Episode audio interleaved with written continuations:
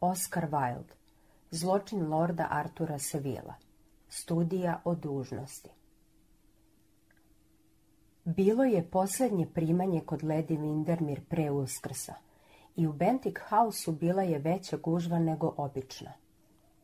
Došlo je šest ministara sa zvezdama i lentama sa jutarnjeg prijema kod predsjednika Donjeg doma – sve lepe žene bile su u najelegantnijim haljinama, a u dnu galerije slika stajala je princeza Sofija od Karlsruhe, krupna žena tatarskog izgleda, crnih, sitnih očiju sa divnim smaragdima, govoreći lošim francuskim jezikom vrlo glasno i smejući se napadno svemu što bi i rekli. Bio je to zaista izvaredno šarolik skup. Velelepne žene perova ljubazno su časkale sa vatrenim radikalima. Krajevi frakova narodnih propovednika češali su se o frakove poznatih skeptika. Čitava gomila biskupa pratila je neku temeljnu primadonu iz sobe u sobu, na stepeništu je stajalo nekoliko članova Kraljevske akademije koji su se izdavali za umetnike, a kažu da je u jedan mah trpezarija bila prepuna genija. Bila je to zaista jedna od najuspelijih večeri Lady Windermere i princeza je ostala skoro do pola dvanaest. Čim je ona otišla, Lady Windermere se vrati u galeriju slika, gdje je neki slavni politički ekonomist dostojanstveno objašnjavao naučnu teoriju muzike nekom ozlojeđenom virtuozu iz Mađarske i poče da razgovara sa vojvotkinjom od Pejslija. Ledi je izgledala čudesno lepa sa svojim prekrasnim vratom boje slonovače, krupnim plavim očima boje nezaboravka i teškom punđom zlatne kose. Ta kosa je bila orpur, čisto zlato, a ne ona bleda boja slame koja danas bespravno prisvaja ljubko ime zlata, već onog zlata što je utkano u sunčeve zrake ili skriveno u redkom ćilibaru davala je njenom licu nešto kao izgled svetice i ne malo draži grešnice. Predstavljala je zanimljivu psihološku studiju. Rano je otkrila značajnu istinu da ništa toliko ne liči na čednost kao nepromišljenost, pa je nizom lakomislenih ludorija, od kojih je polovina bila sasvim bezazlena, stekla sva preimućstva jedne ličnosti. Menjala je muža više puta. Debret joj je zaista pripisivao tri braka, ali pošto nikad nije menjala ljubavnika, svet je odavno prestao da je ogovara. Bilo joj je sad 40 godina. Nije imala dece i posjedovala je neumornu strast za uživanjem koja je tajna očuvanja mladosti. Na jednom ona oštro pređe pogledom po sobi i zapita jasnim kontra kontraaltom. Gde je moj hiromant? Vaš šta, Gledis? Uzviknu vojvotkinja trgnuši se nehotice, moj hiromant, Vojvotkinja, ne mogu sad bez njega da živim. Draga Gledis, vi ste uvek tako originalni, promrmlja Vojvotkinja pokušavajući da se seti šta je u stvari hiromant, nadajući se da to nije isto što i hiropodist, operator žuljeva, specijalista za bolesti ruku i nogu. On redovno dolazi dva put nedeljno da mi gleda u dlan, produži Ledi Vindermir, i neobično je zanimljiv. Blagi Bože, reče u sebi vojvotkinja. Ipak je on neka vrsta hiropodiste. Kakav užas! Nadam se da je bar stranac. Onda to ne bi bilo tako loše. Moram vam ga svakako predstaviti. Da mi ga predstavite, uzviknu vojvotkinja. Nećete valjda da kažete da je on ovde? I poče da traži svoju malu lepezu od kornjačevine i veoma dotrajao šal od čipke kako bi bila spremna da se u trenutku izgubi. Razume se da je ovdje. Ni u snu mi ne bi palo na pamet da priredim prijem bez njega. On kaže da moja ruka izrazito pokazuje moju dušu i kad bi moj palac bio samo malčice kraći, ja bih bila neizlečivi pesimist i otišla bih u manastir. Ah, tako, reče Vojvotkinja osjetivši veliko olakšanje. On znači predskazuje sreću. I nesreću, odgovori Lendi Vindermir, koliko ih god hoćete.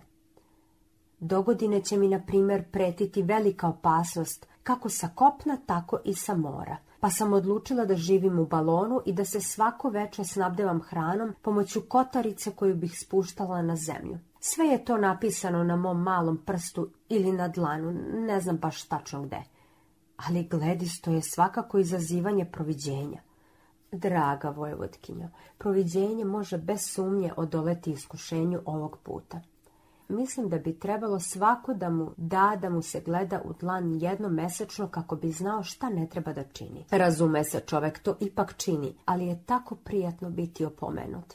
A sad, ako neko ne ode i odmah dovede gospodina Podžersa, učinit ću to sama. Dopustite da ja odem, Lendi Vindermir, reče jedan visoki, lepi mladić koji je tu stajao slušajući razgovor s lakim osmehom. Ako je tako izvanredan kao što vi kažete, Lendi Vindermir, moram ga prepoznati. Recite mi kako izgleda i ja ću vam ga odmah dovesti. Pa on uopšte ne liči na hiromanta. Hoću da kažem da nije tako ni tajanstven, ni ezoteričan, niti izgleda romantično. On je mali, punačak, sa smešnom ćelom i velikim zlatom u okvirenim naočarima. Nešto između porodičnog lekara i seoskog advokata. Zaista mi je veoma žao, ali nisam ja za to kriva. Svet je tako nezgodan. Svi moji pijanisti izgledaju sasvim kao pesnici, a svi moji pesnici izgledaju baš kao da su pijanisti. Sjećam se kako sam prošle sezone pozvala na večeru nekog veoma strašnog zaverenika, čoveka koji je bacio u vazduh toliko sveta i uvek nosio pancir, košulju i bodežu rukavu od košulje a kada je došao, znate li da je izgledao baš kao neki dobri stari popa koji je zbijao šale celo to večer. O, da, bio je veoma zabavan i tome slično, ali ja sam bila strašno razočarana. A kad sam ga zapitala za pancir košulju, samo se nasmejao i rekao da je isuviše hladna da bi se nosila u Engleskoj. Ha, evo gospodina Podžarsa, Gospodine Podžerce, želim da gledate u dlan Vojvotkinju od Pejslija. Vojvotkinju morate skinuti rukavicu. Ne, ne levu ruku, desnu. Draga, gledi, zaista ne znam da li je to na svome mestu, reče Vojvotkinja otkopčavajući polako prilično prljavu rukavicu od jareće kože. To se može reći za sve što je zanimljivo, reče Lady Vindermir. Ali vas moram predstaviti. Vojvotkinja, ovo je gospodin Podžars, moj omiljeni hiromant, gospodine Podžarse, ovo je Vojvotkinja od Pejslija. Iako joj kažete da ima veći mesečev breg nego ja, nikad vam više neću verovati. Uverena sam, Gledis, da tako nešto ne postoji na mome dlanu. Reče Vojvotkinja ozbiljno. Vaša milost je sasvim u pravu, reče gospodin Podžars, gledajući u malu ruku sa kratkim četvrtastim prstima. Mesečev breg nije razvijen. Međutim, linija života je izvrsna. Budite ljubazni pa savite zglavak, hvala, tri jasne linije na rascete. ćete duboku starost vojvodkinju i bit ćete veoma srećni. Ambicija sasvim umerena. Linija intelekta nije preuveličana, linija srca. Molim vas, gospodine Podžer, se budite sad indiskretni, uzviknu Lady Windermere. Ništa mi ne bi pričinilo veće zadovoljstvo, reče gospodin Podgers, poklonivši se, da je Vojvotkinja ikad takva bila, ali mi je žao što moram reći da vidim veliku stalnost u ljubavi udružene sa jakim osjećanjem dužnosti. Gospodine Podgers, molim vas nastavite, reče Vojvotkinja sasvim zadovoljna. Štedljivost nije najmanja vrlina vaše milosti, nastavi gospodin Podgers, a Lendi Vindermir dobi napad smeha. Štedljivost je vrlo dobra stvar, primeti Vojvotkinja samozadovoljna. Kad sam se udala za Pejslija, imao je 11 zamkova i ni jednu jedinu kuću pogodnu za stanovanje. A sad on ima 12 kuća i ni jedan zamak, uzviknu Ledi Vindermir. Pa, draga moja, reče vojvodkinja, ja volim udobnost, reče gospodin Podžers, i moderna dostignuća i toplu vodu u svakoj spavaćoj sobi. Vaša milost je potpuno u pravu. Udobnost je jedino što nam naša civilizacija može da pruži. Gospodine Podžerse, odlično ste pročitali vojvodkinji karakter, a sad to morate učiniti i sa Lady Florom. I kao odgovor na domaćičin osmeh i zna glavom, visoka devojka crvene škotske kose i malo pogurenih pleća iziđe nespretno iza sofe i pruži dugu koščatu šaku, čiji su prsti bili kao lopatice. Ah, pijanistkinja! Vidim, reče gospodin Podgers, izvrsna pijanistkinja, ali možda jedva muzikalna. Veoma uzdržljiva, veoma poštena i mnogo voli životinje. Sasvim tačno, uzviknu Vojvotkinja okrećući se Lady Vindermir. Potpuno tačno. Flora drži dva tuceta ovčarskih pasa u Maklokskiju, a našu kuću u gradu pretvorila bi u menažeriju kad bi joj otac to dopustio. Pa baš to ja činim sa svojom kućom svakog četvrtka uveče, uzviknu Lady Windermir smejući se. Samo što ja više volim lavoveno ovčarske pse. Tu grešite, Lendi Vindermir, reče gospodin Podžarc i pompezno se pokloni. Ako jedna žena ne ume svoje pogreške da učini dražesnim, ona je samo ženka, bio je odgovor ali morate još nekome pogledati u dlan. Hajde, ser Tomase, pokažite svoj dlan gospodinu Podžarsu. I neki stari gospodin dobroćudna izgleda u belom prsluku priđe i ispruži zdepastu rapavu šaku sa vrlo dugačkim srednjim prstom. Avanturistička priroda, četiri duga putovanja u prošlosti, a jedno tek predstoji.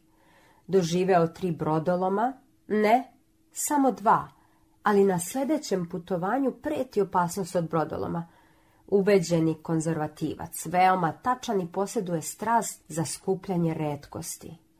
Preboleo tešku bolest između 16. i 18. godine, a oko 30. nasledio imanje, mrzi mačke i radikale.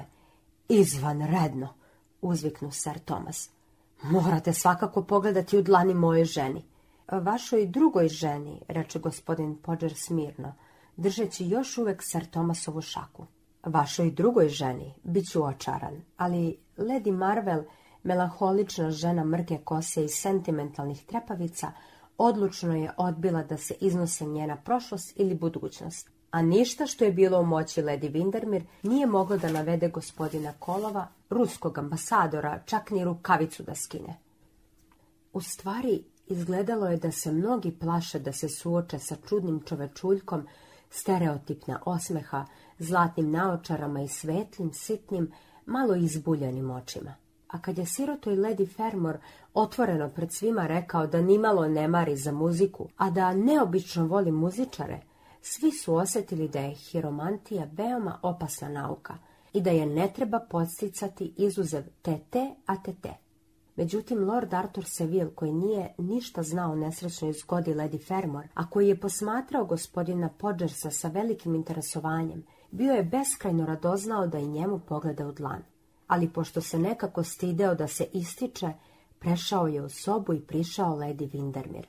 Pocrvenevši šarmantno, zapitao je da li ona misli da će gospodin Podger imati nešto protiv. Razume se da neće, reče Lady Vindermir, zato je ovde. Svi moji lavovi, lorde Arture, dresirani su i skaču kroz obruče kad god zatražim. Ali vas moram unapred opomenuti da ću sve reći Sibili. Ona će doći sutra kod mene na ručak da razgovaramo o šeširima. Pa ako gospodin se otkrije da imate rođavu narav ili da se skloni kostobolji, ili da imate ženu koja živi u Bejsvoteru, bez sumnje ću i sve to reći. Lord Arthur se nasmeši i odmahnu glavom. Ne bojim se, Sibila me poznaje isto tako dobro kao i ja nju. Ah, pomalo mi je žao što to čujem. Prava osnova za brak je uzajamno nerazumevanje. Ne, nisam uopšte cinična. Samo imam iskustva što je, međutim, skoro ista stvar. Gospodine Podžersa, Lord Artur umire od želje da mu gledate u dlan. Nemojte mu reći da je veren sa jednom od najlepših devojaka u Londonu, jer to je bilo objavljeno pre mesec dana u Morning Postu. Draga Lady Windermere, uzviknu markiza od Čedberga. Molim vas neka gospodin Podžers ostane ovdje još malo. Baš mi je sad rekao da ću otići u glumice, a to me veoma zanima. Lady Jedberg, ako vam je to rekao, onda ću ga svakako dovesti. Hodite odmah ovamo, gospodine Podžersa, da pogledate u dlan Lordu Arturu. Dobro, reče Lady Jedberg, napućivši se malo i ustade sa sofe. Kad mi ne dozvoljavate da odem u glumice, morate mi svakako dozvoliti da budem u publici. Svi ćemo biti publika, reče Lady Windermere. A sad, gospodine Podger, se svakako nam recite nešto lepo. Lord Arthur je jedan od mojih naročitih ljubimaca. Ali kad gospodin Podgers pogleda u dlan Lorda Artura, čudno preblede i ne reče ništa. Kao da se strese, a njegove velike guste obrove grčevito su se trzale na neki čudan, razdražujući način, kao kad je zbunjen a onda mu po žutom čelu izbiše krupne graške znoja, kao otrovna rosa, a debeli prsti mu se ohladiše i ovlažiše. Lordu Arturu nisu promakli ovi čudni znaci uzbuđenja, a prvi put u svom životu i sam osjeti strah. Nešto ga je gonilo da pobegne, ali se uzdrža. Bolje je da dozna najgore, ma šta to bilo, nego da ostane u groznoj neizvesnosti. Ja čekam, gospodine Pođerce, reče on. Svi čekamo, viknu Lady Windermir na svoj brzi, nestrpljiv način, ali Hiromant ništa ne odgovori. Uverena sam da će i Arturu glumce, reče Lady Jedberg, pa se posle vaše grdnje gospodin Podgers boji da mu to kaže. da gospodin Podgers ispusti desnu šaku lorda Artura i uze mu levu, pa se saže tako nisko da je ispita da su mu zlatni okviri naočara skoro dodirivali dlan. Za trenutak mu lice postade bela maska užasa, ali on brzo povrati hladnokrvnost i pogledavši u ledi Vindermir, reče sa usiljenim osmehom. To je ruka jednog šarmantnog mladića. Razume se da jeste, odgovori ledi Vindermir, ali da li će on biti šarmantan muž, to bih htjela da znam. Svi šarmantni ljudi to jesu, reče gospodin Podgers. Ne mislim da muž treba da bude isuviše zanosan puta Lady Jadberg zamišljeno. To je veoma opasno. Drago moje dete, oni nisu nikad suviše zanosni, uzviknu Lady Windermere, ali ja hoću da čujem pojedinosti. Jedino su one zanimljive. Šta će se dogoditi Lordu Arturu? Pa, u toku sljedećih nekoliko meseci Lord Artur će ići na put. Oh, da, na svadbeni put svakako. I izgubit će jednog rođaka. Ne svoju sestru, nadam se, reče Lady Jedberg žalosnim glasom. Nikako svoju sestru, odgovori gospodin Podgers odmahnuvši rukom.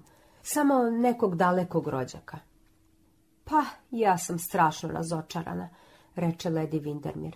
Neću sutra imati baš ništa da ispričam Lady Sibili. Danas niko ne mari za daleke rođake izišli su iz mode pre mnogo godina. Ipak pretpostavljam da bi dobro bilo da ima crne svile pri ruci. Uvek dobro dođe za crkvu. A sad hajdemo na večeru. Sigurno su sve pojeli, ali možda ćemo naći tople supe. François je nekada spravljao izvrsnu supu, ali sada je toliko uzbuđen zbog politike da nisam nikad sasvim sigurna u njega. Zaista bih želala da general Boulanger bude miran. Vojvodkinjo, svakako ste umorni. Ni najmanje, draga Gledis, odgovori vojvodkinja gegajući se prema vratima.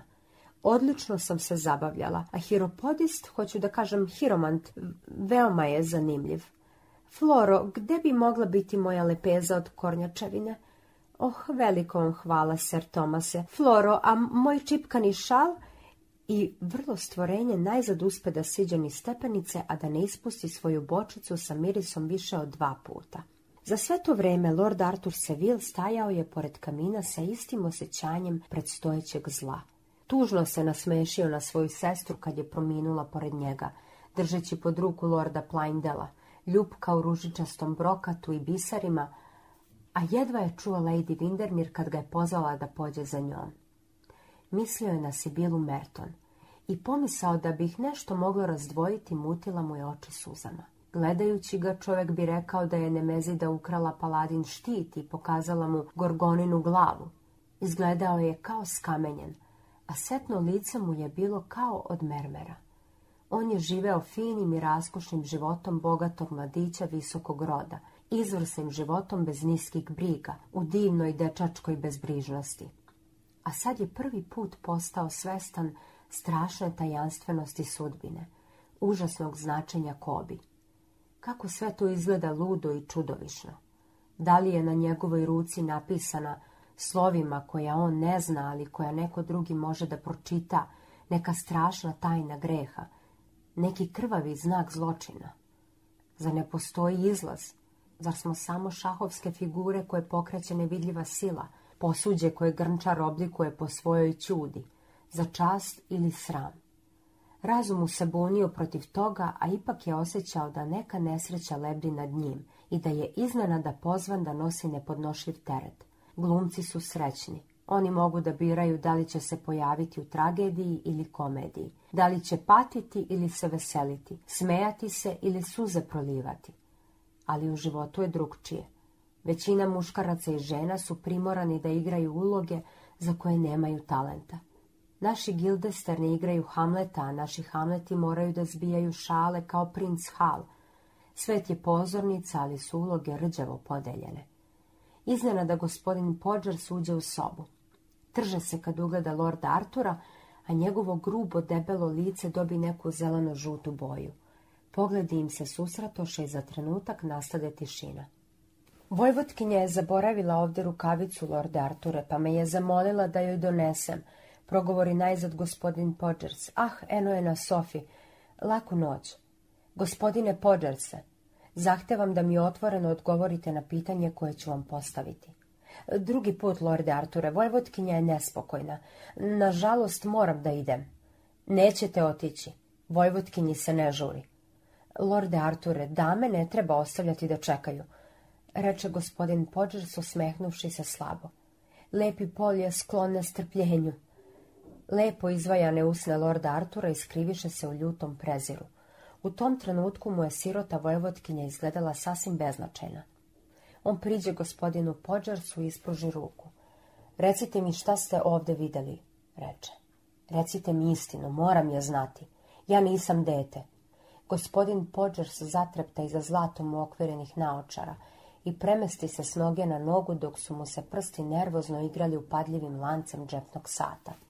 Lorde Arture, šta vas nagoni da mislite da sam na vašem dlanu video više nego što sam vam rekao? Znam da jeste i zahtevam da mi kažete šta je to. Platit ću vam. Daću vam ček na sto funti. Zelene oči blesnuše za trenutak pa se opet ugasiše. Gineja, reče najzad gospodin Pođer stiho. Svakako, sutra ću vam poslati ček. Koji je vaš klub? Ne pripadam ni jednom klubu to jest bar za sad. Moja adresa je... Ali dozvolite da vam dam svoju posetnicu. I gospodin Podgers izvadi iz džepa na prsuku posjetnicu sa zlatnim okvirom i pruži je lordu Arturu s dubog poklon. Na njoj je pisalo gospodin Septimus Podgers, profesionalni hiromant, ulica West Moon, 1030. Primamo 10 do 4. Prošla gospodin Podgers mehanički. E, porodicama dajem popust.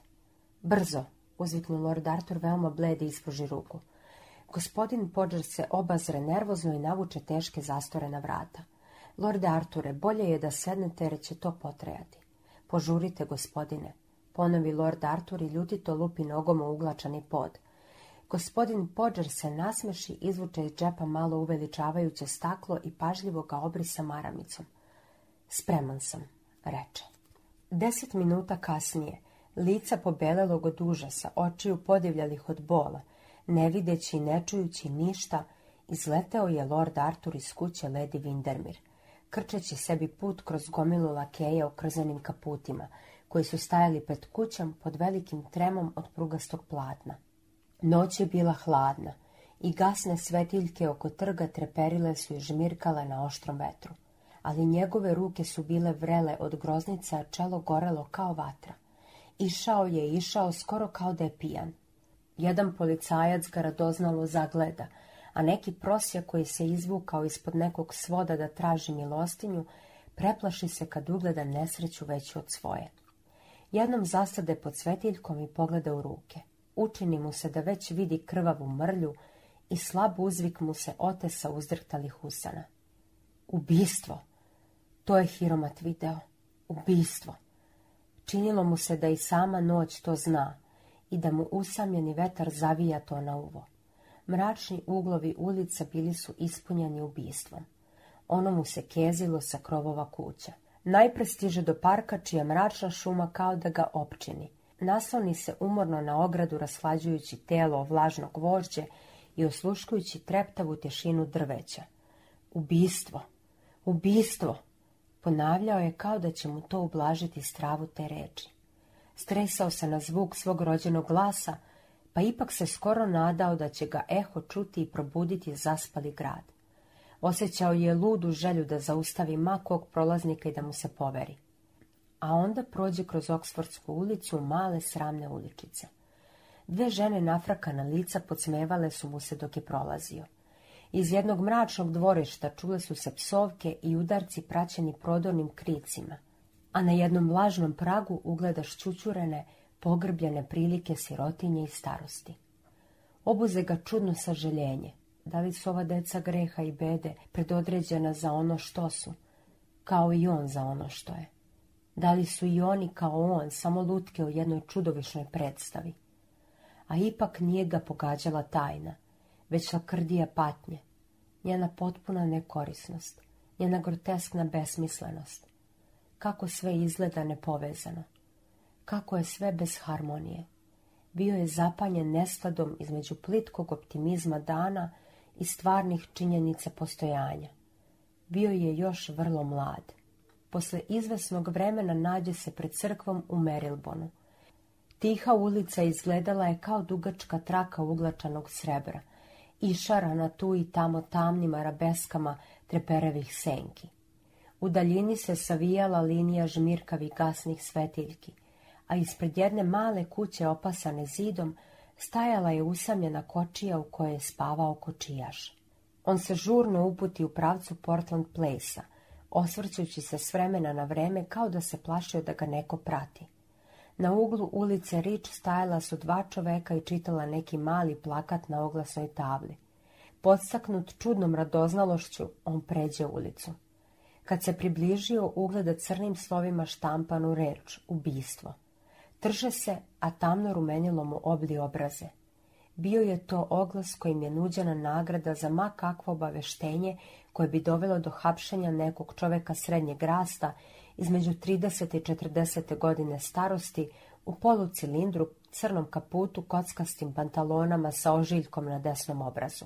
Pročitao je to nekoliko puta i pitao se da li će uhvatiti nesrećnika i kako je stekao ožiljak. Možda će jednog dana i njegovo ime biti na plakatima izlepljenim po zidovima Londona. Možda će jednoga dana i njegova glava biti ucenjena.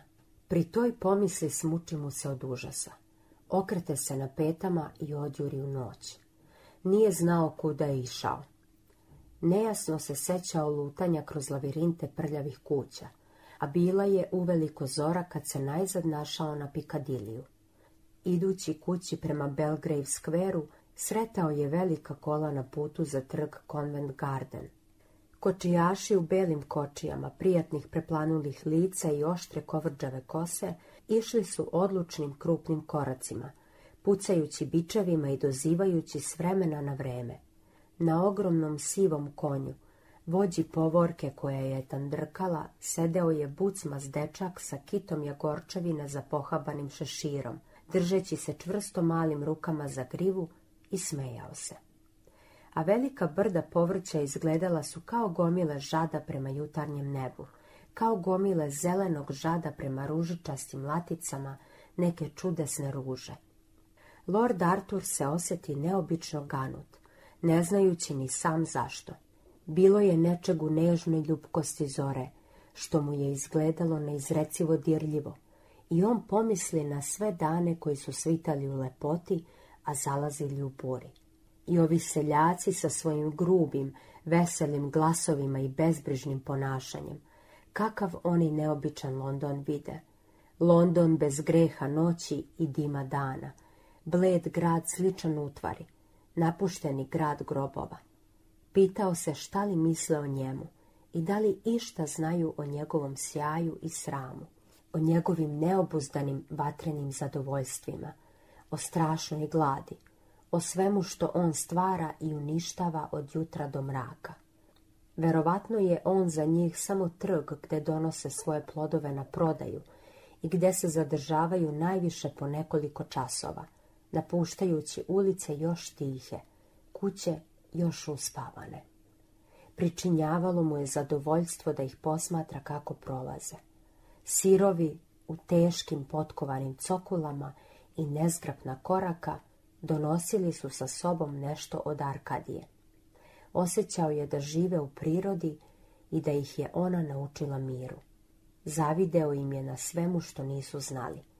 Kad je stigao na Belgrave Square, nebo je bilo bledo plavo, a ptice su počele da cvrkuću u vrtovima. Kad se Lord Artur probudio, bilo je dvanaest časova, a podnevno sunce prodiralo je kroz svilene zavese boje slonovača. On ustade i pogleda kroz prozor.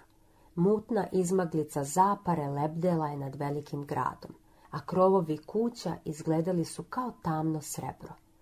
U treperavom zelenilu skvera trčala su deca kao beli leptirići, a pločnik je bio prepun sveta koji je išao u park. Nikad mu život nije izgledao miliji, nikad mu zlo nije izgledalo dalje. Sobar mu donese šolju čokolade na poslužavniku. Pošto je popi, razmače teški plišani zastor boje breskve i uđe u kupatilo. Svetlost se blago prikradala od ozgo kroz tanke ploče prozirnog oniksa, a voda u mermernom bazenu svetlucala je kao mesečev kamen. Žurno se bućnu u vodu, a prohladni talasići mu dodirnuše vrat i kosu. Zatim zagnjuri glavu kao da hoće da zbriše mrlju neke sramne uspomene. Kad je izišao, osjećao se skoro umiren. U tom trenutku njime zavlada osjećanje izuzetnog fizičkog zadovoljstva, kao što se često događa kod osjetljivih priroda, jer čula kao vatra mogu da očiste kao što mogu i da unište. Posle doručka on se izvali na divan i zapali cigaretu. Na polici kamina, uokvirena finim starim brokatom, stajala je velika fotografija Sibile Merton, kakvu ju je prvi put video na balu Lady Noel.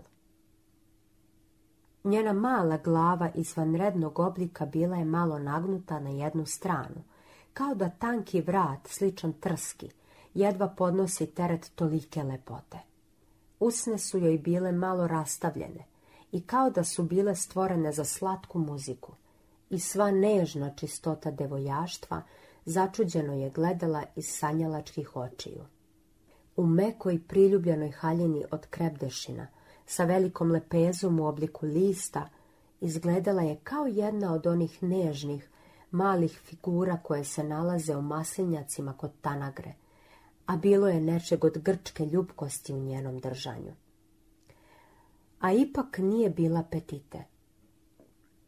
A ipak nije bila mala bila je samo savršeno proporcionalna, što je redkost u jednom dobu kad je toliko mnogo žena ili iznad prirodne veličine ili su beznačajne. Kad je Lord Artur sad pogleda, ispuni ga strašno sažaljenje koje rađa ljubav. Osećao je da bi ženeći se njome, dok mu nad glavom lebdi kob ubistva, počinio izdajstvo ravno judinom greh većino i jedan o kome su Borđije ikad sanjale. Kako bi mogli biti srećni, kad on može biti pozvan svakog trenutka da izvrši strašno proročanstvo koje mu je ispisano na ruci? Kakvim bi načinom života mogli da žive, dok sudbina drži taj strašni udes na svojim terazijama? Venčanje se mora odložiti po svaku cenu. To je čvrsto odlučio. Mada je žarko voleo devojku, i mada mu je pri samom dodiru njenih prstiju, kad su sedeli zajedno, treperio svaki živac od izvaredne radosti. Ipak je jasno video svoju dužnost i bio potpuno svestan činjenice da nema prava da se oženi dok ne izvrši ubistvo. Kad to učini, moći će da stane pred oltar sa Sibilom Merton i preda svoj život u njene ruke bez straha da čini zlo. Kad to učini, moći će da je uzme u naručje, svestan da ona nikad neće morati da crveni zbog njega, nikad da saginje glavu zbog stida. Ali to mora najpre da učini, a što pre, to bolje za oboje. Mnogi ljudi u njegovom položaju prebi izabrali cvetnu stazu odlaganja no strme visine dužnosti. Ali Lord Artur je bio isuviše savestan da bi stavio zadovoljstvo iznad principa. Njegova ljubav nije bila samo strast, a Sibila je bila za njega simbol svega što je dobro i plemenito. Za trenutak ga obuze prirodna odvratnost prema onom što se od njega tražilo da učini, ali to je brzo prošlo. Srce mu je govorilo da to nije greh, već žrtva. Razum ga je podsjećao da nema drugog izlaza. Imao je da bira između života za sebe i života za druge. I mada je zadatak koji je bio pred njim bez svake sumnje strašan, ipak je znao da ne sme dozvoliti da se bičan triumfuje nad ljubavlju. Ranije ili kasnije svi smo pozvani da odlučujemo o istoj stvari. Svima nam se isto pitanje postavlja. Lordu Arturu je ono postavljeno rano. Preno što mu je priroda bila pokvarena opreznim cinizmom zrelog doba ili srce nagriženo plitkim modernim egoizmom naših dana – i zato nije oklevao da izvrši svoju dužnost. Srećom za njega nije bio samo sanjalica ili besposleni diletant, a da je u suštini bio praktičan. Imao je ono što je najređe, zdrav razum. Divlja burna osjećanja prethodne noći bila su sasvim prošla i gledao je skoro sa osjećanjem stida na svoja luda lutanja kroz ulice, na pomamnu duševnu patnju. Baš ta iskrenost njegovih patnji činila je da su mu sad izgledale nestvarne. Čudio se kako je mogao da bude toliko glup, da viče i besni protiv nečeg što je neizbežno. Jedino pitanje koje je izgleda da ga je malo mučilo bilo je koga da ubije, jer nije bio slep prema činjenici da ubistvo, kao religije paganskog sveta, zahteva žrtvu isto tako kao i sveštenika. Pošto nije bio genije, nije imao neprijatelja i zaista osjećao je da ovo nije čas za zadovoljavanje neke lične uvrede ili netrpeljivosti, jer je misija koju treba da izvrši velika i ozbiljna svečanost. U skladu s tim napravio je spisak prijatelja i rođaka na listu belažnice i posle pažljivog razmatranja odlučio se za ledi Klementinu Bičem, dragu staru damu koja je stanovala u ulici Kerzon i bila mu dalja rođaka po majci. Veoma je voleo Lady Clem, kako su je svi zvali, pa pošto je i sam bio bogat, jer je nasledio celo imanje lorda Ragbija, kad je postao punoletan, nije postojala mogućnost da izvuče ma kakvu vulgarnu novčanu korist od njene smrti. U stvari, što je više mislio o tome, sve više mu se činilo da je ona baš prava osoba. I osjećajući da bi svako odlaganje bilo nepošteno prema Sibili, odlučio je da odmah učini što je potrebno. Prvo što je trebalo da učini jeste da plati Hiromantu. Zato on sede za mali šeratonski pisaći sto koji je stajao kod prozora, izvuče ček na 105 funti isplativ na zahtev gospodina Septimusa Podžarca i stavljajući ga u omot, reče sobaru da ga odnese u West Moon ulicu. Zatim telefonira u štale po svoja kola i obuče se za izlazak napuštajući sobu, pogleda sliku Sibile Merton i zakle se, ma šta se dogodilo, da joj nikada neće reći šta je za nju učinio, nego da će tajnu svoga samopožrtvovanja uvek skrivati u srcu. Na putu za Buckingham zaustavi se pred prodavnicom cveća i posla si bili lepu korpu narcisa sa divnim belim laticama i razrogačenim fazanijskim očima, a pošto je stigao u klub, uputi se pravo u biblioteku, zazvoni i naredi kelneru da mu donese limunadu sa sodom i knjigu o toksikologiji. Bilo mu je potpuno jasno da je otrov najbolje sredstvo za ovaj mučni posao. Sve što bi ličilo na lično nasilje bilo mu je krajnje odvratno. Uostalom nije želeo da ubije Ledi Klementinu na način koji bi mogao privući pažnju javnosti – kao što je mrzeo pomisao da bude smatran jednim od lavova Lady Vindermir ili da vidi svoje ime na stupcima vulgarne društvene štampe. Morao je da misli i na Sibilinog oca i majku, koji su bili prilično staromodni i koji bi se možda protivili braku ako bi bilo ičeg što bi ličilo na skandal, mada je bio uveren da bi oni, kad bi im ispričao ceo slučaj, bili prvi koji bi dostojno cenili motive kojima se rukovodio. Sve je dakle govorilo u prilog otrova. On je bezbedan, siguran i tih i otklanja svaku potrebu mučnih cena prema kojima je, kao većina Engleza, gajio ukorenjenu odvratnost. Međutim, on nije imao pojma o nauci o otrovima a kako Kelner izgleda nije bio u stanju da išta drugo nađe u biblioteci izuzev Rafovog vodiča i Bejlijevog magazina, on sam pregleda police sa knjigama i najzad pronađe lepo povezano izdanje farmakopeje i primjerak Erskinove toksikologije, koji je izdao Sir Matthew Reed, predsjednik Kraljevske akademije lekara i jedan od najstarijih članova Buckinghamskog kluba, greškom izabran umjesto nekog drugog. Ta pogreška je toliko razbesnela komitet da su ga, kad se pojavio pravi čovek, odbili jednodušno. Lorda Artura su prilično zbunili stručni izrazi u obe knjige i već je zažalio što u Oksfordu nije poklanjao veću pažnju klasičnim jezicima kad u drugoj Erskinovoj svesci nađe na veoma zanimljiv i potpun opis svojstava akonitina, napisan prilično jasnim engleskim jezikom. Učini mu se da je to baš otrov koji mu je potreban. Deluje brzo, skoro trenutno. Potpuno je bezbolan, a ako se uzme u kapsuli od želatina, kako preporučuje ser Matthew, nije ni neukusan. On zapisa na manžeti kolika je količina potrebna za smrtnu dozu, vrati knjige na mesto i uputi se St. Jamesovom ulicom u veliku apoteku Pestl i Hambi. Gospodin Pestl, koji je uvek lično usluživao aristokratiju, bio je veoma iznenađen kad je čuo šta Lord Artur traži i sa puno poštovanja prošaputao je nešto o lekarskom receptu. Međutim, mu je Lord Artur objasnio da mu je otrov potreban za velikog norveškog buldoga, koga mora da se oslobodi jer pokazuje prve znake besnila i koji je već dva put ujeo kočijaša za list noge, izjavi da je potpuno zadovoljan, pohvali Lorda Artura zbog izvarednog poznavanja nauke o otrovima i odmah mu dade otrov.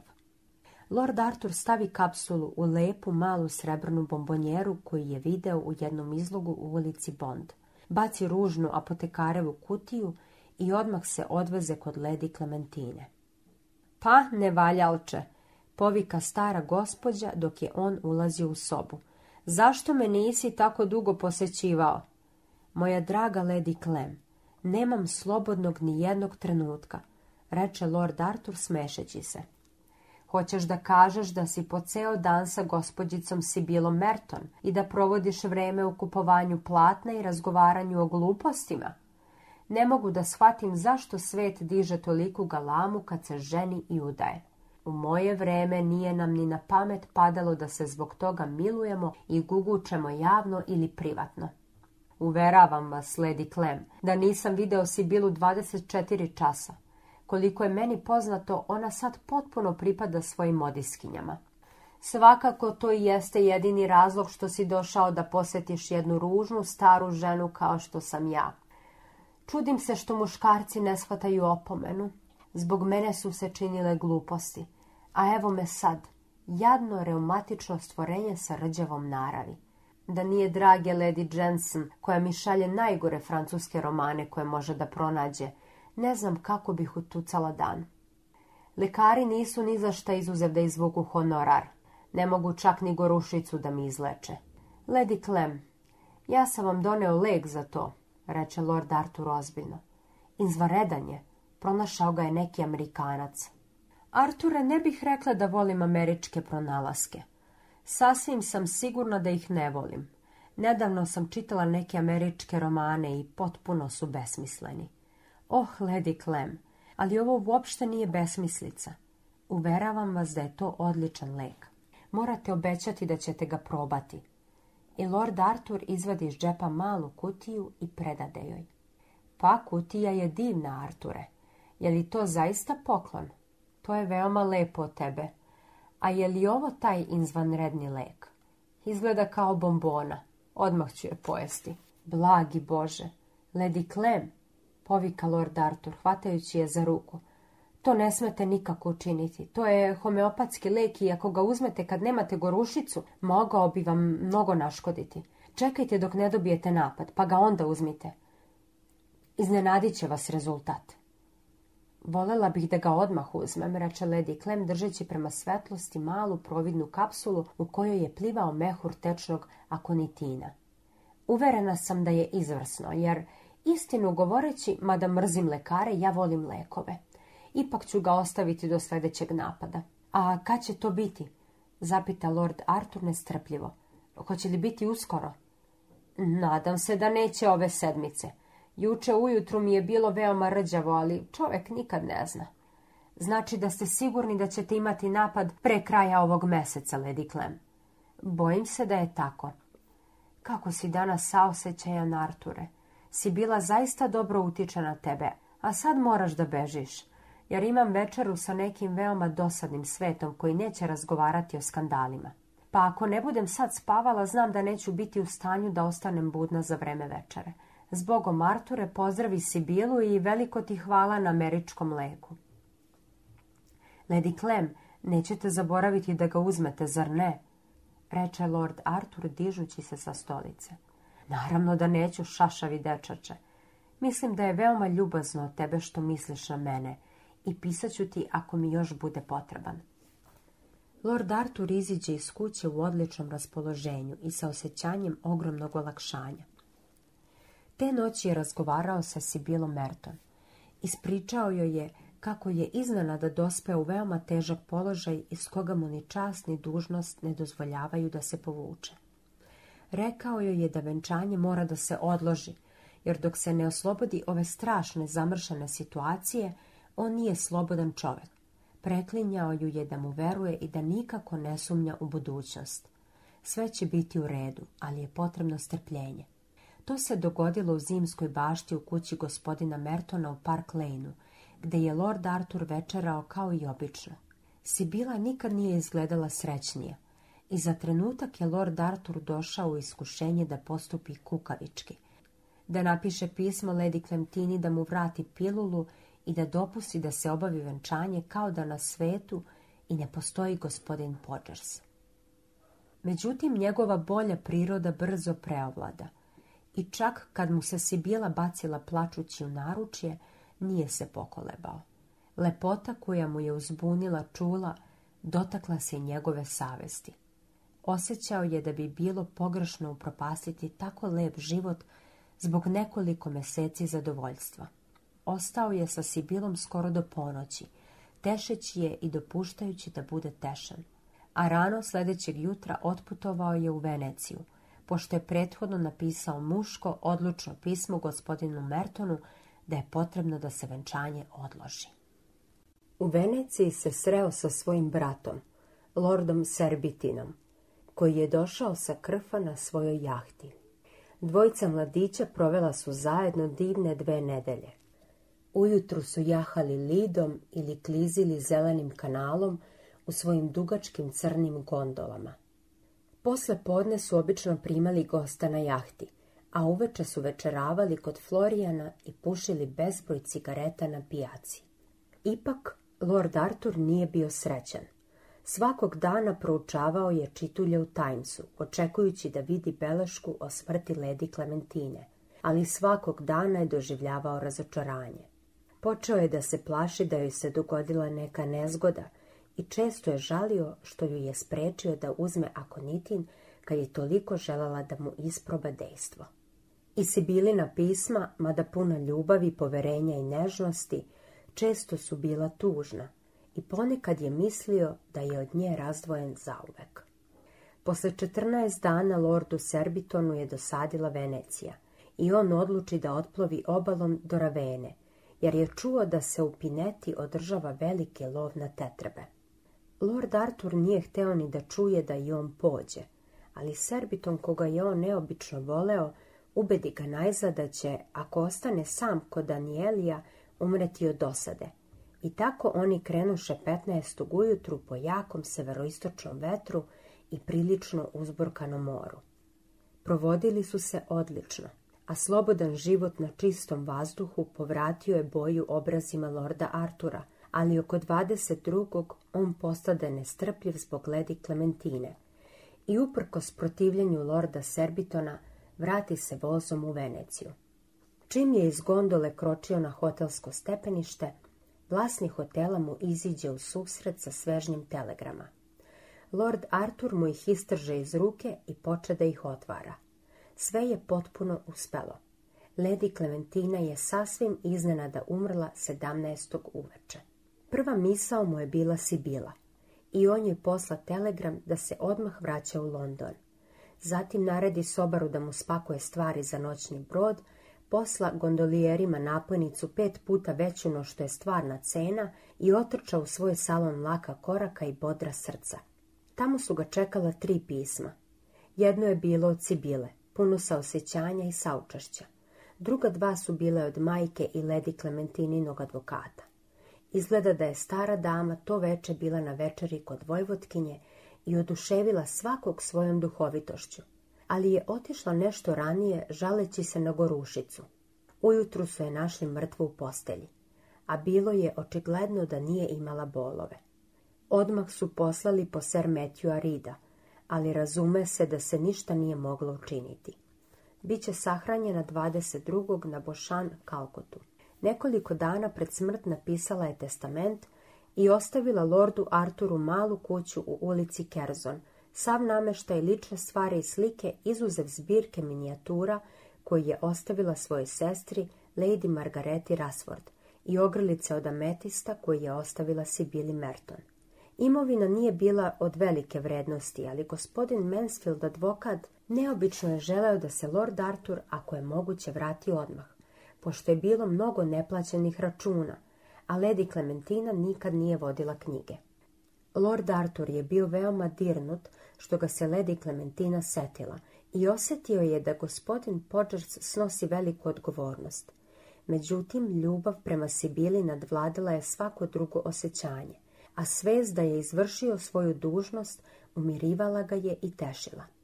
Kad je stigao na Charing Cross, bio je potpuno srećan. Mertonovi su ga primili veoma ljubazno. Sibili je morao obećati da više nikad neće dopustiti da se išta ispreči između njih i venčanje je zakazano za 7. juni. Život mu je opet izgledao svetao i lep, a stara veselost mu se povratila. Međutim, jednog dana dok je sa Ledi Klementininim advokatom i Sibilom preturao po kući u ulici Kerzon, palio svežnjeve izbledelih pisama i istresao fioke sa kakvim otpacima, Mlada devojka na jednom uzviknu ushićeno. Šta si to pronašla, Sibila? Zapita Lord Artur podižući pogled sa svog posla i smešeći se. Ovu divnu malu srebrnu bombonjeru, Arture. Nije li neobična i holandska? Molim te, pokloni mi je. Znam da mi metisti neće pristajati dok ne pređem osamdesetu. Bila je to kutija sa akonitinom. Lord Artur se trže, a slabo rumenilo mu obli obraze bio je skoro potpuno zaboravio šta je učinio. I učini mu se čudan sticaj okolnosti da si bila, zbog koje je prošao kroz sve to strašno nespokojstvo, bude prva koja će ga na to podsjetiti. Sibila, razume se da ću ti je pokloniti. Ja sam je poklonio sirotoj Lady Clem. O, oh, hvala, Arture, a mogu li da uzem i bombonu? Nisam imala pojma da je Lady Clementina voljela slatkiše. Mislila sam da je daleko više intelektualna. Lord Arthur smrtno preblede, a strašna misao mu prođe kroz glavu. Bombonu si bila. Šta hoćeš da kažeš? Reče tihim promuklim glasom. Ima u njoj jedna bombona. Izgleda sasvim stara i prašnjava i ne pada mi na pamet da je pojedem. Šta ti, Arture, kako si bled? Lord Artur jurnu kroz sobu i zgrabi kutiju. Unutra je bila kapsula boje čilibara, a u njoj kapljica otrova. Lady Clementina je ipak umrla prirodnom smrću. Udarac zbog ovog otkrića bio je skoro isuviše veliki. On zavitla kapsulu u vatru i sruči se na sofu sa uzvikom očajanja. Gospodin Merton je bio mnogo zabrinut što je venčanje ponovo odgođeno, a Lady Julia koja je već bila poručila haljinu za venčanje, činila je sve što je bilo u njenoj moći da natera Sibilu da raskine verid. Međutim, iako je Sibila mnogo volela majku, Položila je ceo svoj život u ruke lorda Artura i nikakvo nagovaranje Lady Julije ne bi je moglo naterati da se pokoleba u svom poverenju. Što se tiče lorda Artura, njemu je bilo potrebno nekoliko dana da savlada strašno razočaranje, a jedno vrijeme živci su mu bili sasvim popustili. Međutim, brzo mu se povratio zdrav razum, a zdrav praktičan duh nije ga dugo ostavio u nedoumici šta treba da čini pošto je sa otrovom doživeo potpuni neuspeh. Dinamit ili neka druga vrsta eksploziva je očigledno ono čime treba da pokuša. U vezi s tim opet je pregledao listu prijatelja i rođaka. I posle pažljivog razmatranja odlučio je da baci u vazduh svog ujaka, dekana od Čičestera. Dekan, čovek velike kulture i učenosti, neobično je voleo časovnike i imao izvanrednu zbirku satova od 15. veka pa do danas. Lordu Arturu je izgledalo da mu ova strast dobrog dekana pruža izvrsnu mogućnost da sprovede svoj plan. Druga je stvar kako da dođe do paklene mašine. U tom pogledu londonski adresar mu nije davao nikakva obaveštenja, a osjećao je da bi mu malo koristilo da se zbog toga obrati Scotland Yardu, jer izgleda da oni nikad ništa nisu znali o kretanju dinamitske sekte sve dok se ne bi desila neka eksplozija, a čak i onda ne baš mnogo. Odjednom se setio svoga prijatelja Ruvalova, mladog Rusa vrlo revolucionarnih stremljenja sa kojim se upoznao prošle zime kod Ledi Vindermir.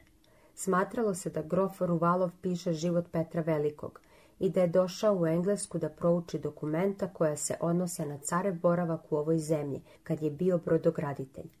Ali postojala je opšta sumnja da je on agent nihilista a bilo je izvan svake sumnje da ruska ambasada ne gleda blagonaklono na njegovo prisustvo u Londonu. Lord Arthur je osjećao da je baš on čovjek kakav mu je potreban i jednog jutra se odvezao do njegovog stana u Bloomsburyju da zatraži od njega savjet i pomoć. Znači, ozbiljno ste se bacili na politiku, reče grof Ruvalov kad mu je Lord Arthur objasnio cilj svoje posjete ali Lord Arthur je mrzeo svako razmetanje i osjetio se obavezan da mu prizna da ga socijalna pitanja ni najmanje ne zanimaju i da mu je paklena mašina potrebna za jednu čisto porodičnu stvar koja se tiče samo njega. Grof Ruvalov ga je začuđeno posmatrao nekoliko trenutaka, pa pošto je video da sasvim ozbiljno misli, napisa adresu na komadu papira, stavi svoje inicijale i pruži mu je preko stola. Dragi moj, Scotland Yard bi mnogo dao da dozna tu adresu. Neće je doznati, uzviknu Lord Arthur smejući se. I pošto se toplo rukovao sa mladim Rusom, strčani stepenice pogleda u papir i naredi kočijašu da vozi u Soho Square. Tu je otpustio kočijaša i pošao peške grčkom ulicom do mesta koje se zvalo Bales Court.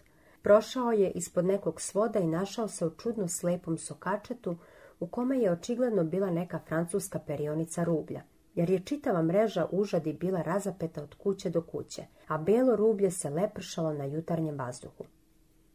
On dođe tačno do kraja ulice i zakuca na vrata jedne zelene kućice. Pošto je malo čekao, za to vreme se svi prozori načička licima. Vrata mu otvori neki prilično čupav stranac, koji ga na vrlo rđavom engleskom jeziku zapita šta hoće – Lord Artur mu predade papir koji mu je dao grof Ruvalov.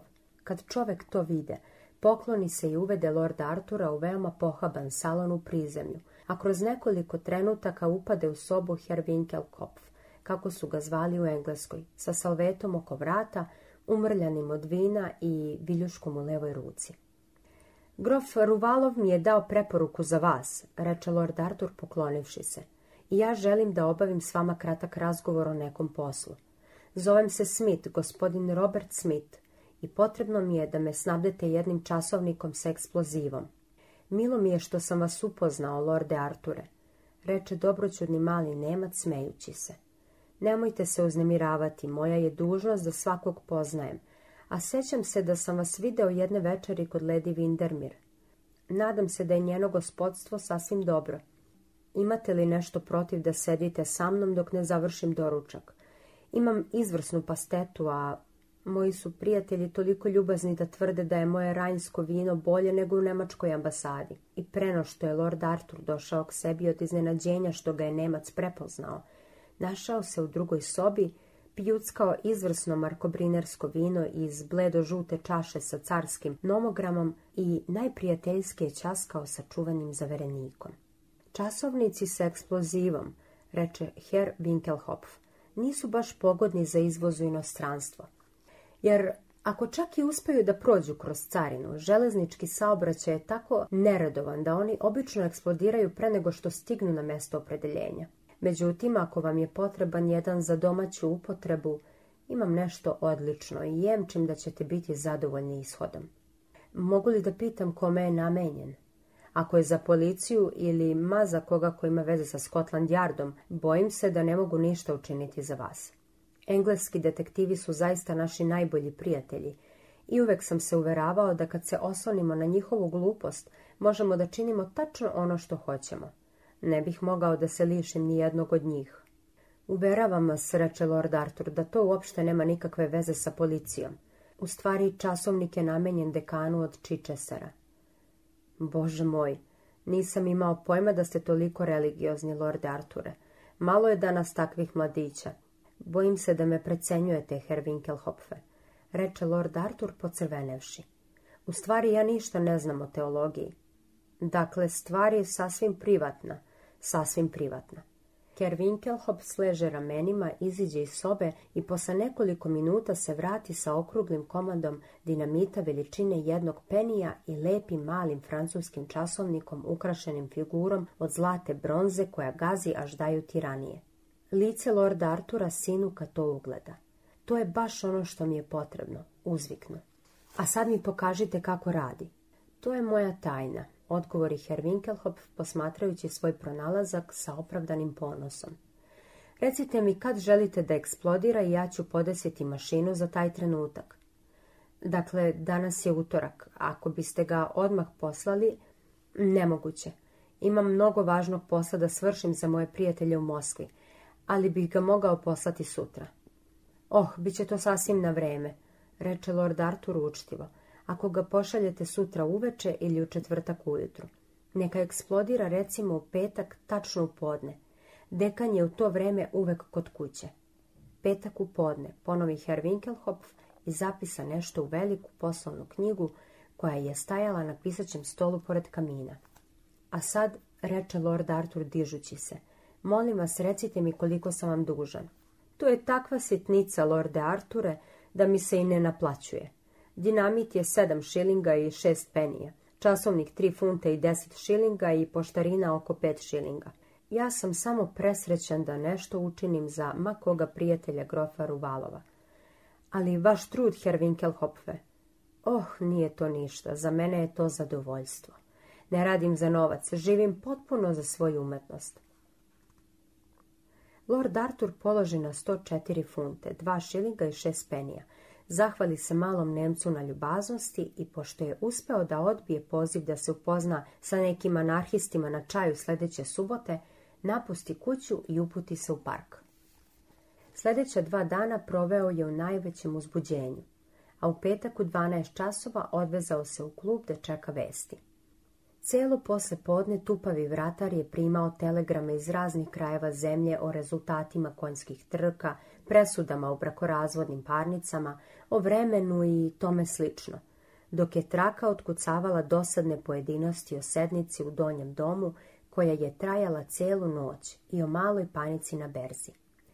U četiri sata su stigle večernje novine i Lord Arthur iščeze u biblioteku sa Pelmelom, St. Jamesom Globom i ehom na veliko gnušanje pukovnika Goodchilda – koji je hteo da pročita izveštaj o svom govoru koji je održao toga jutra u domu londonskog predsjednika opštine, u južnoafričkim misijama i preporučio da se u svakoj pokrajini postavi crni episkop, a zbog nečega imao je predrasude u pogledu Evening Newsa.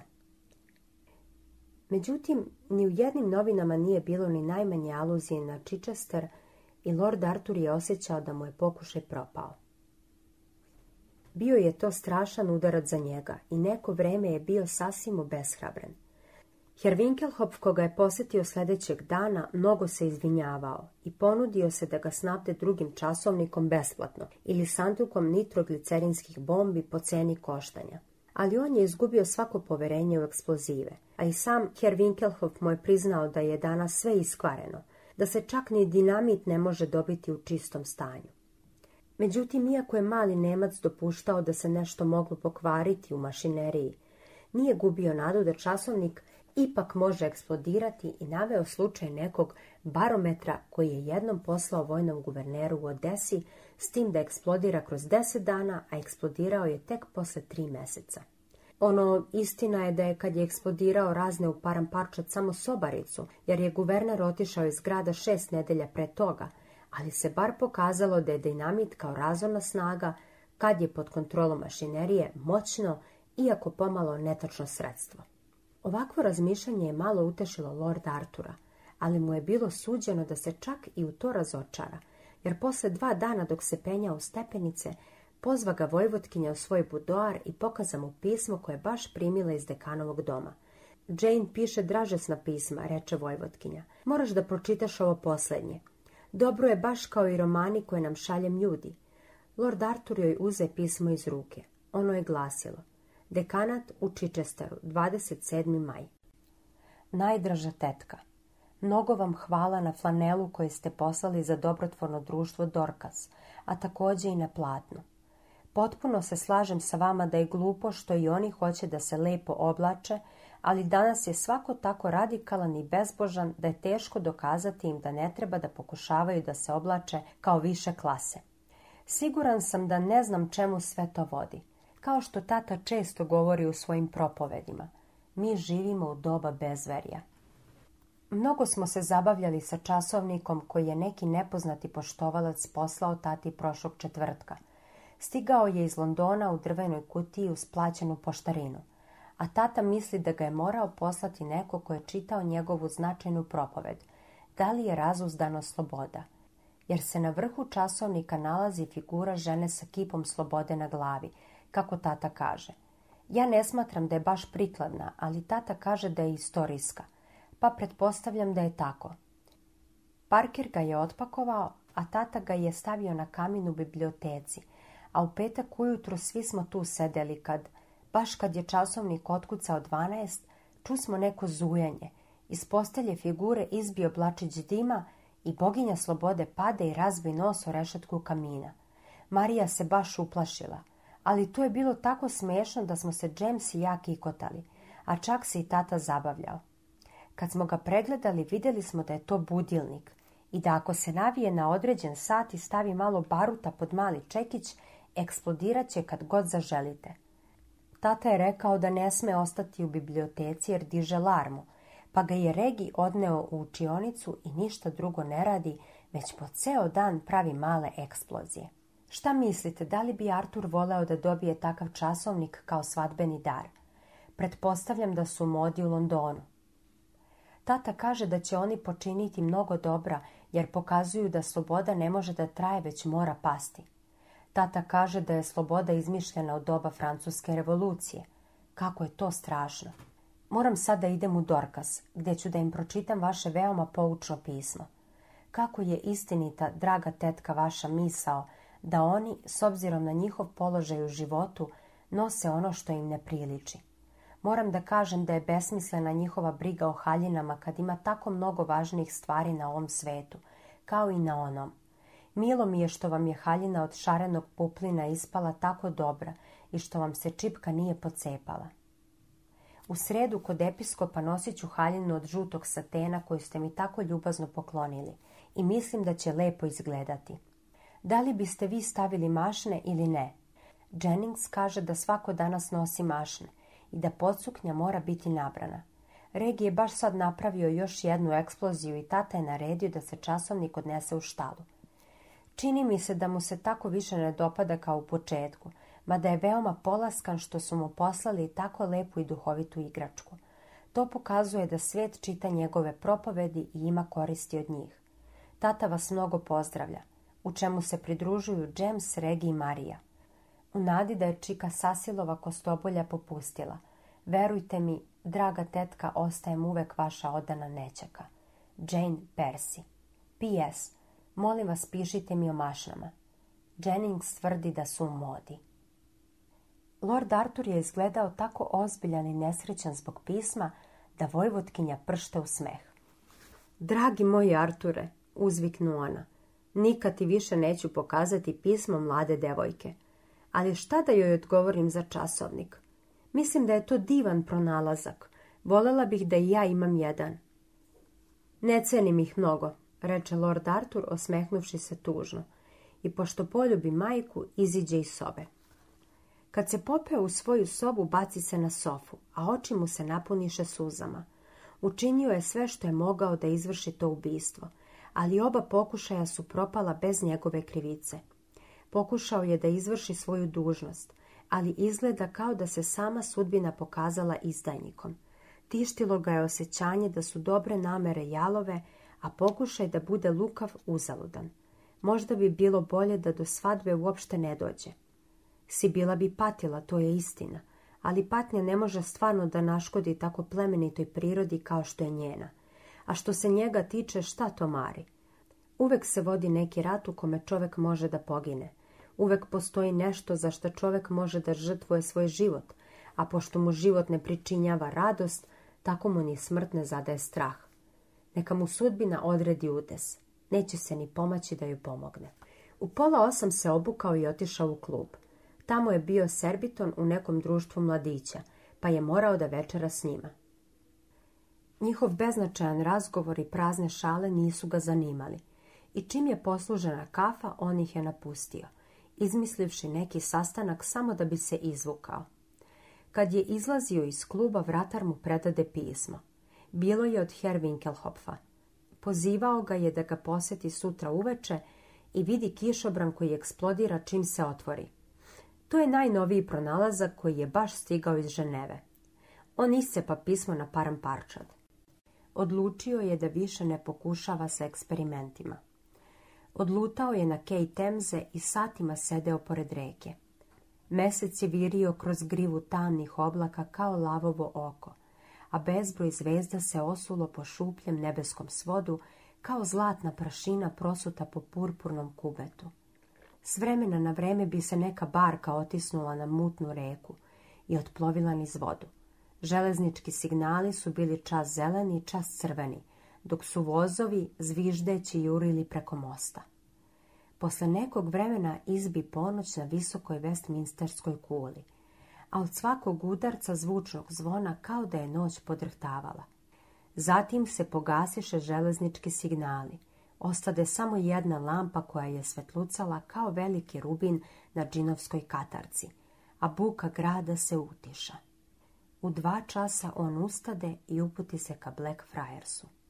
Kako je sve izgledalo nestvarno. Kao neki čudan san kuće na drugoj obali reke kao da su sagrađene od mraka. Reklo bi se da su srebro i senka iznova stvorile svet. Ogromna kupola katedrale Svetog Pavla sijala je kao mehur u mračnom vazduhu. Dok se približavao obelisku nazvanom Kleopatrina igla, ugledao je nekog čoveka koji se naslonio preko ograde, a kad je prišao bliže, čovek podiže pogled i svetlo splinske svetiljke pade mu na lice – bio je to gospodin Podgers, hiromant. Niko ne bi mogao da prepozna debelo opušteno lice, zlatom uokvirene naočari, bolesno slab osmeh, čulna usta. Lord Artur zastade. Sinu mu sjajna misao. I on mu se polako prikrade iza leđa. U tren oka zgrabio je gospodina Podgersa za noge i bacio ga u temzu. Gruba psovka, jak pljesak i sve se umiri. Lord Artur pogleda zabrinuto preko ograde, ali od hiromanta nije bilo ni traga. Samo se cilindar vrte u krug u vrtlugu mesečinom obasjene vode. Posle nekog vremena i on potonu i više se nije video nikakav trag od gospodina Podžarsa. Jednom mu se učini da je ugledao debelu ružnu priliku kako ide ka stepenicama pored mosta i obuze ga strašno osjećanje neospeha. Ali to je bio samo ocijaj i kad je mesec izišao iza oblaka, nestade ga. Najzad izgleda da je izvršio naređenje sudbine. Duboko odahnu sa olakšanjem, a Sibilino ime mu dođe na usne. Da li ste nešto ispustili, gospodine? Ču da glasi za sebe. On se okrete i ugleda policajca sa fenjerom u ruci. Ništa značajno naredniče, odgovori smešeći se. Pozva kola koja su baš prolazila, uskoči u njih i naredi kočijašu da vozi u Belgrave Square. Sljedećih nekoliko dana živeo između straha i nade. Bilo je trenutaka kad je skoro očekivao da mu gospodin Podžar suđe u sobu, a opet drugi put bi osjećao da sudbina ne može da bude tako nepravedna prema njemu. Dva put je išao do Hiromantovog stana u Westmoon ulicu, ali nije mogao da se odluči da zazvoni. Čeznuo je za izvesnošću i plašio se nje. Najzad je došla. Sedeo je u klubu u sobi za pušenje, pio čaj i sa priličnom dosadom slušao Serbitona kako priča o najnovijoj šaljivoj pesmi u veselom pozorištu, kad uđe Kelner sa večernjim novinama. On uze St. James i poče ravnodušno pregledati stranice kad mu se pogled zaustavi na čudnom naslovu Samoubistvo jednog hiromanta. Preblede od uzbuđenja i poče da čita – Juče ujutru u sedam časova telo gospodina Septimusa R. Podžarsa, poznatog hiromanta, izbacila je vode na obalu u Grinviću, baš ispred hotela Šip. Nesrećni gospodin je nestao pre nekoliko dana i u hiromanskim krugovima vladala je prilična zabrinutost. Pretpostavlja se da je izvršio samoubistvo u nastupu duševnog rastrojstva prouzrokovanog preteranim radom, a takvo mišljenje potvrdila je istraga danas posle podne. Gospodin Podžers je baš završio potrebnu raspravu o ljudskoj ruci, koja će uskoro biti štampana i bez sumnje će privući veliku pažnju. Pokojnik je imao 65 godina i izgleda da nije imao rodbine. Lord Arthur je izleteo iz kluba sa novinama u ruci, na veliku zapanjenost vratara koji je uzalud pokušavao da ga zaustavi i odmah se odvezao u Park Lane. Sibila ga je ugledala sa prozora i nešto joj je govorilo da on donosi dobre vesti istrčala mu je u susret, a kad mu je ugledala lice, znala je da je sve u redu. Draga moja Sibila, uzviknu Lord Artur, hajde da se venčamo sutra. sti dečače, pa Nikolač još nije poručen, reče Sibila smejući se kroz suze. Kad su se posle tri nedelje venčali, katedrala Svetog Petra bila je prepuna elegantnog sveta. Svečanu službu služio je veoma impresivno dekan od Čičestara – a svi su se složili da nikad nisu vidjeli lepši par nego što su mlada i mladoženja. Međutim, oni su bili više nego lepi. Bili su srećni. Nijednog trenutka Lord Arthur nije zažalio sve što je prepatio zbog Sibile, a ona mu je pružila najbolje što žena može dati čoveku. Obožavanje, nežnost i ljubav. Njima stvarnost nije ubila bajku. Uvek su se osjećali mlađi. Posle nekoliko godina, pošto im se rodilo dvoje lepe dece, Lady Windermere je došla da ih poseti u Alton Pajori, divnoj staroj kući koju je Vojvoda poklonio sinu kao svadbeni dar. I dok je jednog popodneva sedela sa Lady Artur pod lipom u vrtu, posmatrajući malog dečaka i devojčicu kako se igraju po stazi ivičenoj ružama, kao čudljivi sunčevi zraci, ona da uhvati za ruku svoju domaćicu i je. Sibila, da li ste srećni? Draga Lady Vindermir, naravno da sam srećna, zar vi niste? Ja, Sibila, nemam vremena da budem srećna. Uvek mi se dopada osoba koja mi je posljednja predstavljena, ali kao po pravilu čim nekoga upoznam odmah mi dosadi. Zar vas ne zadovoljavaju vaši lavovi, Lady Vindermir? Ne, draga. Lavovi su dobri samo za jednu sezonu čim im se podseku grive postaju najdosadnija stvorenja. Uostalom, oni se ponašaju veoma rđevo ako ste zaista ljubazni prema njima. Sećate li se onog odvratnog gospodina Podžarsa? Bio je strašna varalica. Naravno, tomu uopšte nisam zamerala, pa čak i kad je hteo da pozajmi novac od mene. Oprostila sam mu, ali nisam mogla da podnesem da mi se udvara. Zbog njega sam zaista omrzla hiromantiju. Sad se bavim telepatijom, mnogo je zabavnije. Ovdje ne smete ništa govoriti protiv hiromantije Lady Windermere. To je jedini predmet s kojim Artur ne voli da se svet šali. Uveravam vas da on to sasvim ozbiljno misli. Sibila, nećete valjda da kažete da on veruje u to. Evo ga Lady Windermere pa ga pitajte. I Lord Artur dođe sa velikim buketom žutih ruža i decom koja su poigravala oko njega. Lorde Arture, molim Lady Windermere, nećete valjda reći da verujete u hiromantiju. Da bome da verujem, reče mladi čovjek smešeći se. Ali zašto? Jer njoj dugujem za svu sreću u životu, proša puta i baci se u pletenu na slonjaču. Dragi moj lorde Arture, šta joj dugujete? Sibilu, reče predajući ženi ruže i posmatrajući njene ljubičaste oči. Kakva besmislica, uzviknu ledi Vindermir. Nikad u životu nisam čula takvu besmislicu.